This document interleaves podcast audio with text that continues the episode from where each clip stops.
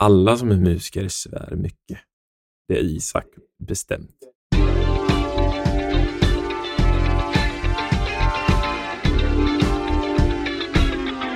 Välkomna till eh, Musikerpodden ska vi väl säga. Ja? Första avsnittet, första officiella avsnittet, ja. tänker vi. Förutom introavsnittet. Ja, det är lite på låtsas. Vad, vad har vi för tema idag, Isak? Jo, idag är vårt tema drumroll. Vad är instrument? Ja, vad är ett instrument? Sagt? Ja, ska vi dra lite så här historisk fakta? Jo, men alltså det är, vi, vi kan ta det i kronologisk ordning så att säga. Vi kan börja där. Nej, men instrument har funnits under väldigt lång tid och klassificeringar av olika instrumentgrupper, alltså hur en väljer att dela in instrument, kan hittas tillbaka till 300 f.Kr. enligt Wikipedia. Och de äldsta instrumenten som vi hittat bevarade är en flöjt som var ungefär 67 000 år gammal. Det är väldigt länge sedan. Det är riktigt, riktigt länge sedan. Men problemet med det här är att antagligen finns det mycket tidigare instrument än så. Men de var antagligen gjorda av skinn, ben, trä och andra material som försvinner med tiden. Vilket betyder att de finns inte bevarade längre. Nej, och det, det där är väl en sån sak som, som eh, många forskare har diskuterat om första instrumentet. Mhm. Så här, nu är ju första liksom, instrumentet som vi hittat som är, är format och urgröpt för att kunna ta toner, det är, det är en flöjt. Men sen där kommer vi in på liksom att skapa ljud både med våra stämband och sen liksom slå på saker. Exakt. Som väl blir klassificerad inom eh, slagverk. Ja, men precis. Det är väl en diskussion då om det har funnits egentligen så länge människan har funnits. Mhm. Och där, där kommer vi också in på eh, ett väldigt roligt instrument som, som jag faktiskt har här. Aha. En, en didgeridoo. Ooh. Och vad är en didgeridoo, Isak? Jag är ganska dålig på det instrumentet, men det är väl egentligen som en kan tänka sig typ en avlång cylinder urholkad i trä som du sen använder läpparna som membran för att kunna göra en ton. Precis. Det är liksom, ursprungligt så är det väl egentligen termitätna stockar Mm. som har blivit ihåliga. Så man sen har kommit på att man kan liksom skapa eh, ljud genom att, eh, att få sina läppar att vibrera. Så man, det, är som när man gör så båtljud med sina läppar. Ja, men precis. Så, så får man en, en ton i den helt enkelt. Ah. Det, är- det är häftigt. Men där nu börjar vi komma in på en annan sak som är ganska rolig att ta upp. Du använder läpparna som ett membran och, då, och så pratade vi lite om att den blåser i det.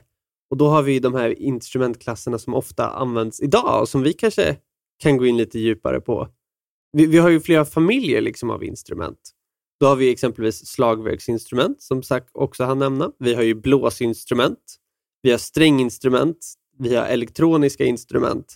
Och sen har vi lite andra indelningar vi går in djupare på sen. Man ser ju ganska mycket likheter mellan Mm. väldigt många instrument. Trots att de har liksom spridit sig över världen. Ja, men och liksom verkligen. olika kulturer så Mm. ser vi ju fortfarande till exempel eh, stränginstrument Ja. i olika former. Mm. Fast egentligen i, i grund och botten så fungerar de på samma sätt. Ja, vi, vi har trä som vi har format, Mm. eh, gröpt ur ett hål ur, vi har spänt lite strängar på den oavsett ifall det är nylon eller ifall det är någon typ av stålsträng eller Mm. vad som helst och sen så, så tar vi på den så vibrerar den. Mm. Och då liksom, då är vi inne på, på akustiska gitarrer, men vi har ju också eh, harpor, vi har alltså Ja. eh, men du hänger med? Det är liksom det, Mhm. Det är också ett instrument den hör väldigt ofta i modern musik. Och i den musiken vi tänker är äldre. Jag tänker både så här, fioler är ju ett stränginstrument. Och det tänker jag är äldre på många sätt. Och Sen har vi ja, men elgitarrer och akustiska gitarrer är ju väldigt vanligt idag i popmusik. Liksom. Ja. Och det är ju också stränginstrument. ja, De är ganska dominerande ändå i musik just nu. jo, precis. Ganska länge. Men de är, ju egentligen inte så gamla. Oj. Eh, akustiska, alltså om vi tänker gitarr på det sätt som vi tänker den idag, Mhm. Är ju inte ett så gammalt instrument. Vet du ungefär hur gammalt? Det här var intressant. Eh, jag hade det här eh, i huvudet, nu tappade jag det. 1500-talet. Och sen då finns det utöver de här sättet som jag pratade om precis, att dela in instrument i familjer, så finns det, kan den dela in dem efter klangfärg. Ett instrument är ju inte bara själva tonen du spelar, utan det är också övertonerna som blir när du spelar den tonen. Så exempelvis om jag spelar ett C i tredje oktaven på ett piano så låter ju inte det likadant som ett C i tredje oktaven på en gitarr. Och detta är alltså det som är klangfärgen. Att övertonerna varierar. Alltså dela in instrumenten istället för familjer efter slagverk och sträng kan du dela in dem efter hur de upplevs när du lyssnar på dem. Genom fysik. Det är ganska spännande. Det är väldigt spännande och det är en hel episod, tänker jag, att prata om övertonsserien. Ja, det får vi ta ett annat avsnitt tror jag. Oh ja! Annars så blir det här ett väldigt långt avsnitt helt plötsligt. Gigantiskt.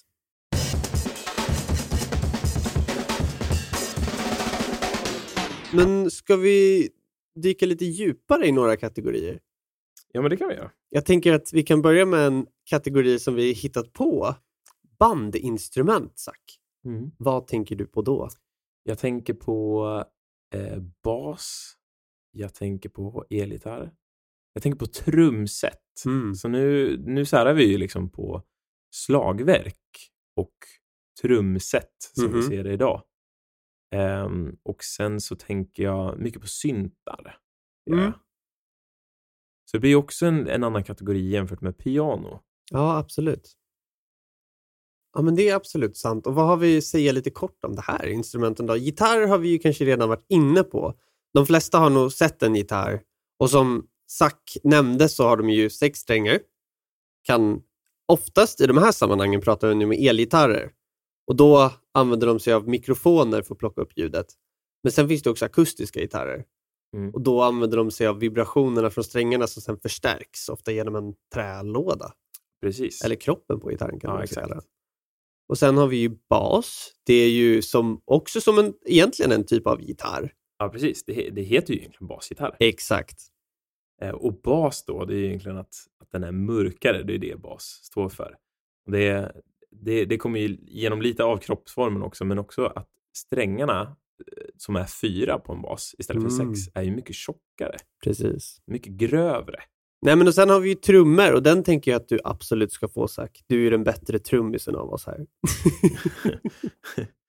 Ja, och, och trummor, det, det har ju de flesta sett, både på, på konserter och, och i grundskolor och så, i musik, Mm. sina musikrum. Eh, och trummor är ju då, förutom digitala, men om vi, om vi går på akustiska trummor så är det ihåliga trätubar Mm. eh, som vi har satt, eh, vi säger ju skinn, men det är egentligen en plasthinna som vi, som vi sätter på dem, eh, där eh, luftflödet vibrerar mellan ett eh, övre och underskinn som, som gör då att vi får, får en ton egentligen. Det är många som Mm. tänker sig att trummor är ett tonlöst instrument och det, är- Mm. det, är, det är det ju på ett sätt, beroende på hur vi stämmer det, men, men vi får ju fortfarande vibrationer i det här som gör att vi får en, en viss klang. Ja, det, det är ett intressant instrument eftersom man skulle kunna tänka på det som flera instrument. Ja, det, eh, trummor är faktiskt ett av de instrument som har så otroligt mycket delar. Mm. Vi har ju cymbaler, det är de här guldiga sakerna som, Mm. som hänger lite längre upp i luften som vi slår eh, på. Och där har vi då crash ride, hi-hat, eh, splash, liksom China, eh, eh, Mm. de vanligaste. Sen så kommer vi in på liksom våra, våra pukor, våra shells som det heter på engelska.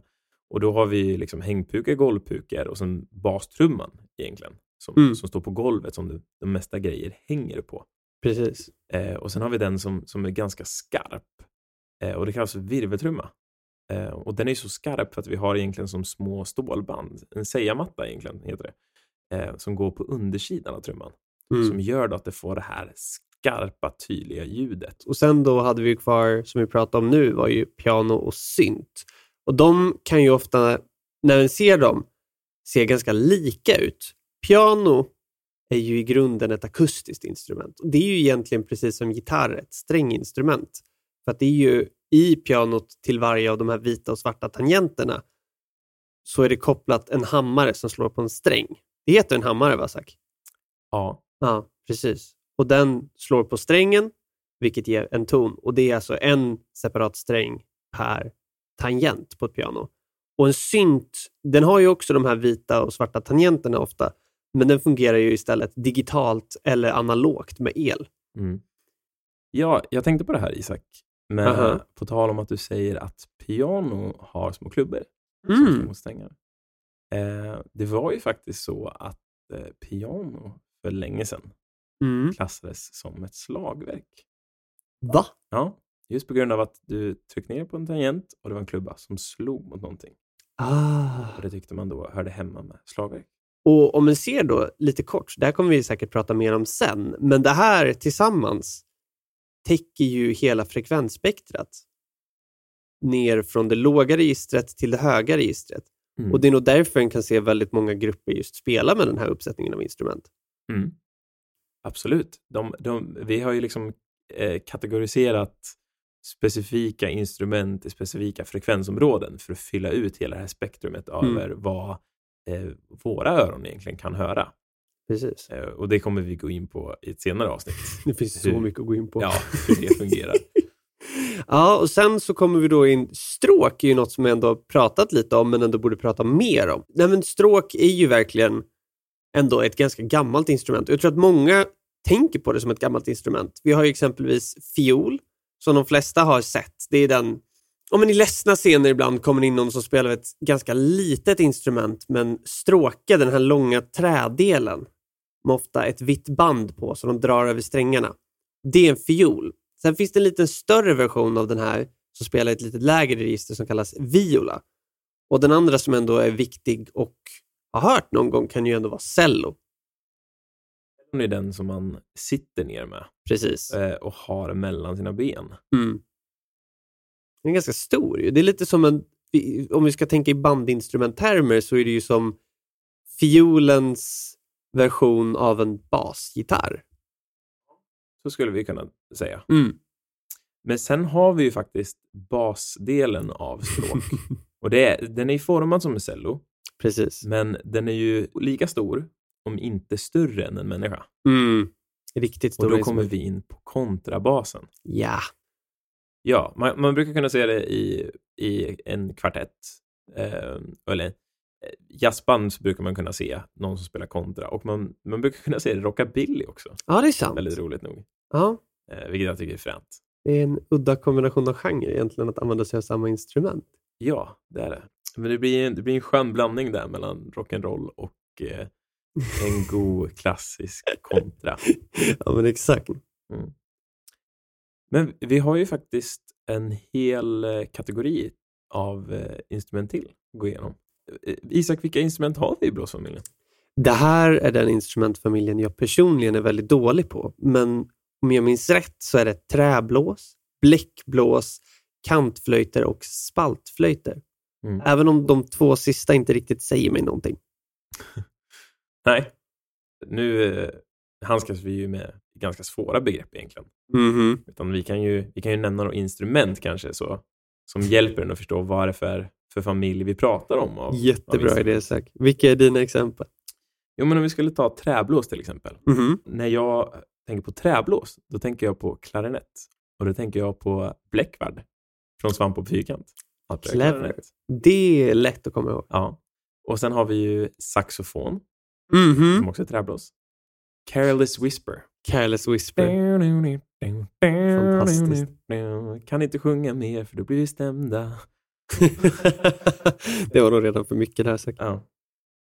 Ja, nej men, och sen var det det här med bläckblås då. Då kan vi typ, är det trumpet? Ja. Är väl en del va? För det är väl det vi var inne på med didgeridoos innan va? Att det är läpparna som används som membran. Exakt. För träblåsen har, De har ett litet trärör. ja men Det är det, som precis. det är det som gör att det blir ett träblås. Om man tänker sig klarinett är ju ett trärör Ja men precis. som blåser i. Och det är, Ja. det är kanske många som tänker då att det är därför det är ett träblås. Men det är egentligen att det är ett litet trämembran som man har, som man stoppar in i munnen och blåser så den vibrerar. Som vi sen då kan skapa toner. Och det är därför också saxofon hamnar i den här kategorin. Med tanke på att saxofon inte är i trä. Exakt, det var en bra definition att komma ihåg. Så egentligen så kan vi säga att alla de instrumenten vi pratar om är high-tech versioner av didgeridoos. Ja, På ett sätt. Väldigt, väldigt simplifierat. Väldigt simplifierat. Men absolut. Men det är en annan användning av samma koncept egentligen. Exakt. Det, det, det som är skillnaden där är ju att didgeridoo är ju bara ett eh, trärör som Ja, vi blåser det. i och sen så ändrar vi tonen med munnen. Mm. Medans de här instrumenten har vi gjort hål i Mm. som vi sen då eh, täpper igen för att skapa nya toner. Om vi tar bäckblåsfamiljen Ja. så eh, där har vi till exempel instrument som trumpet. Eh, vi har trombon. Mm. Vi har tuba. Mm. Eh, vi har valthorn med mera. Men det är några stycken. Som man, de, jag kan tänka mig att några här känner igen. Mm. Men det är svårt med blås tycker jag, för jag har hört också om det här att speciellt när vi är inne på bläckblås, att det ligger ju, eftersom det ligger i kroppen, det här med att du använder munnen på det sättet, så är det på något sätt en lite mer av en färskvara. Om du inte tränar under en längre period så blir det svårare att spela. Stämmer det? Ja, i, i alla fall vad jag vet. Jag, jag spelar ju inte något av de här Mm, instrumenten mm. själv. Men över vad jag har fått höra från mina kollegor som Mhm. spelar och eh, väldigt mycket vänner till mig som Mhm. spelar. Eh, så är det ju så att de måste ju sitta och öva, inte med sitt instrument, utan till exempel om vi tar en trumpet. Och trumpet har ju ett munstycke Mm. som man trycker på trumpeten som gör att man kan eh, överföra det man blåser till, till toner. Mhm. Och att man brukar kunna sitta, många av dem får sitta hemma Mm. och eh, blåsa i den här för att inte tappa tekniken i läpparna. Oj. För att det är liksom det är en sån färskvara på, på musklerna vi har där. Mhm. Då har vi de sista två där då, sagt, kantflöjter och spaltflöjter. Mm. Vet du vad skillnaden är mellan dem? Nej, vad är skillnaden? Om jag har förstått det rätt. Skillnaden mellan kantflöjter och spaltflöjter är riktningen på flöjten. Vad heter flöjten du spelar åt sidan? Det heter Tvärflöjt. precis, en tvärflöjt är en kantflöjt Mm. om jag förstått saken rätt. Mm. För du spelar över en kant, Ja, tror nu, jag. Nu är jag lite med, mer med på vad du pratar om Ja, faktiskt. precis. För nu börjar man ju känna igen sig. Tvärflöjt har man ju hört om. Ja, Ja. precis. Och då har vi ju den andra versionen är ju spaltflöjter då. Det skulle exempelvis vara, ni har säkert sett en sån flöjt som bara är rakt fram. En, en blockflöjt. Exakt. Nej, men det, det är häftigt för att eh, för de, de instrumenten hamnar ju i, ibland lite grann på, på samma lärare. Mm. Men de funkar ju ganska olika. Mm, precis. ehm, vilket, vilket kan vara ganska roligt. Förr i tiden, Aha. det, det här går ju till våra yngre lyssnare. Förr i tiden så var det ju nästan ett krav att om man ville spela något annat instrument Mhm. på en kulturskola så var man tvungen att gå blockflöjt först. Just det. eh, några terminer innan man fick börja spela gitarr eller piano. Eh, och själva skillnaden om, om vi tar då på, på en eh, spaltflöjt till exempel Mhm. eh, är ju då att det är ett instrument som, som du inte behöver fokusera kanske så mycket på, på hur du formar läpparna. Ja. Du, du ska egentligen bara få, få läpparna runt det och sen ska du blåsa i det. Så skapar Mm. du mer tonerna av Mm. vart du sätter fingrarna. Just det. Medans om du tar en kantflöjt eller tvärflöjt Mm. eh, så är det ju ganska mycket teknik. Det är som ifall någon där ute har försökt blåsa i en flaska någon gång. Mm. Det är ungefär lite samma teknik. Mm. Så det är lite klurigare på det sättet. Jag ska absolut inte säga att det är, det är lättare eller svårare. Eh, men jag, jag, kan, jag kan säga att jag, jag har testat båda och en blockflöjt kan man ju få ton i på en gång. Mm. Medan en tvärflöjt tog mig ganska många försök Mhm. innan jag lyckades få en ton. Mm.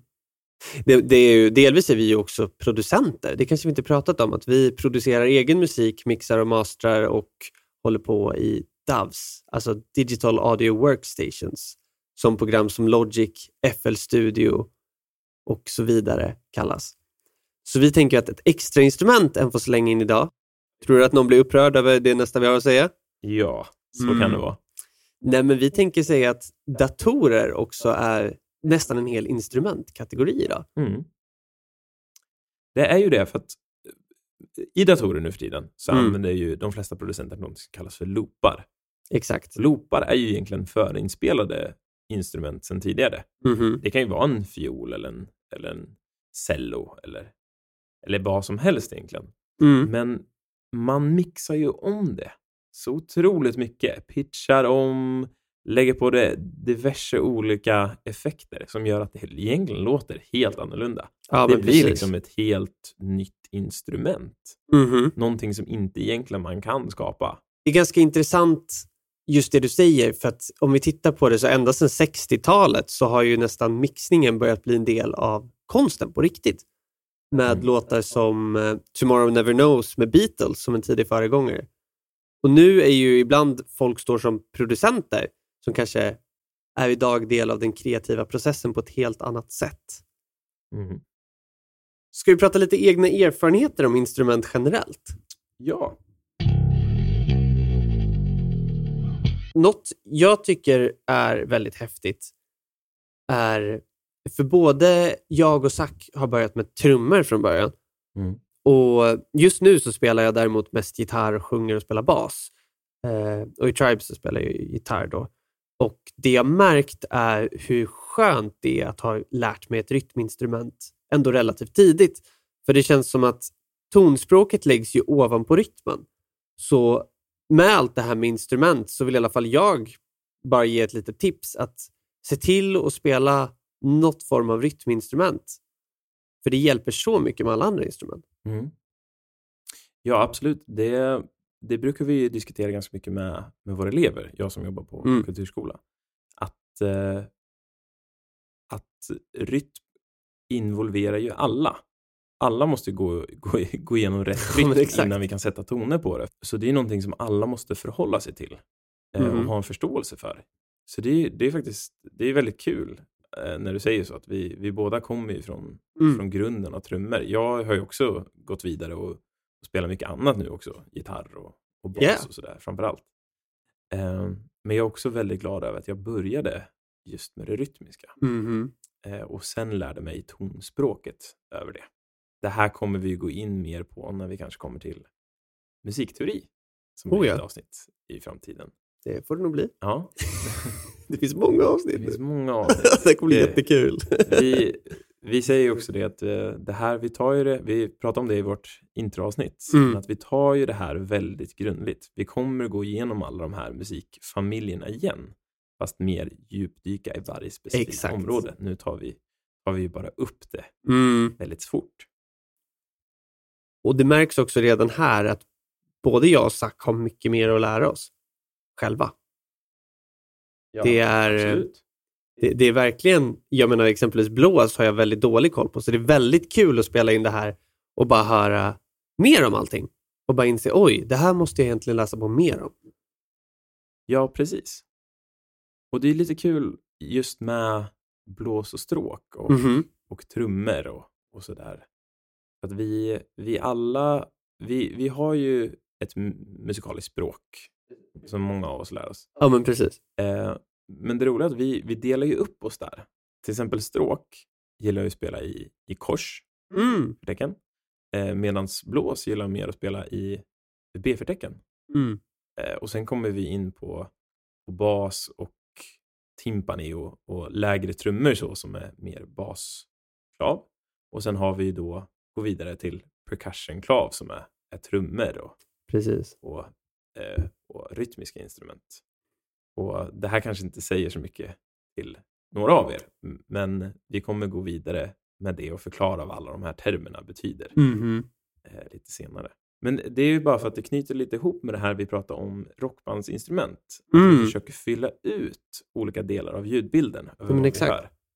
Eh, allt från mörkt till ljust. Mörkt då som är bas och Mm. ljust som är tenor eller sopran Mm. kan vi säga. Ehm, så, så det gör vi även i, i klassiska instrument. Ja, men det stämmer. Det är sant. Så. Men det är ungefär 20 till 20 000 Precis. Då pratar vi hertz. hertz, Mm. vilket är svängningar per sekund på en våglängd. Exakt. Så då från 20 till 20 000. Precis. Kommer det mer om. Ja, Zack, har du något du vill säga generellt om instrument utöver det du just sa? Ehm, Ja, det här vill jag säga. Um, de här instrumenten som vi har pratat om idag, Isak, Mhm. eh, det är ju ganska generellt instrument som vi är vana vid här i Europa Mhm. eh, och uppväxta och haft ganska länge. Ehm, till skillnad från andra instrument. Vi kommer gå vidare med eh, vad vi kallar för världsinstrument, Mm. eh, vilket jag tycker är en lite rolig benämning av instrument för att instrument är väl alltid världsinstrument oavsett Mm. vilken del man kommer ifrån. Så. Mm. Ehm, men så vi kommer prata lite mer om, om andra instrument också, men vi måste börja någonstans. Vi valde just att börja här. Det kändes som en bra grund. Och också som ett ganska kul sätt att inleda podden. Men okej, jag har faktiskt en outrofråga till er lyssnare. Vad är detta för något instrument?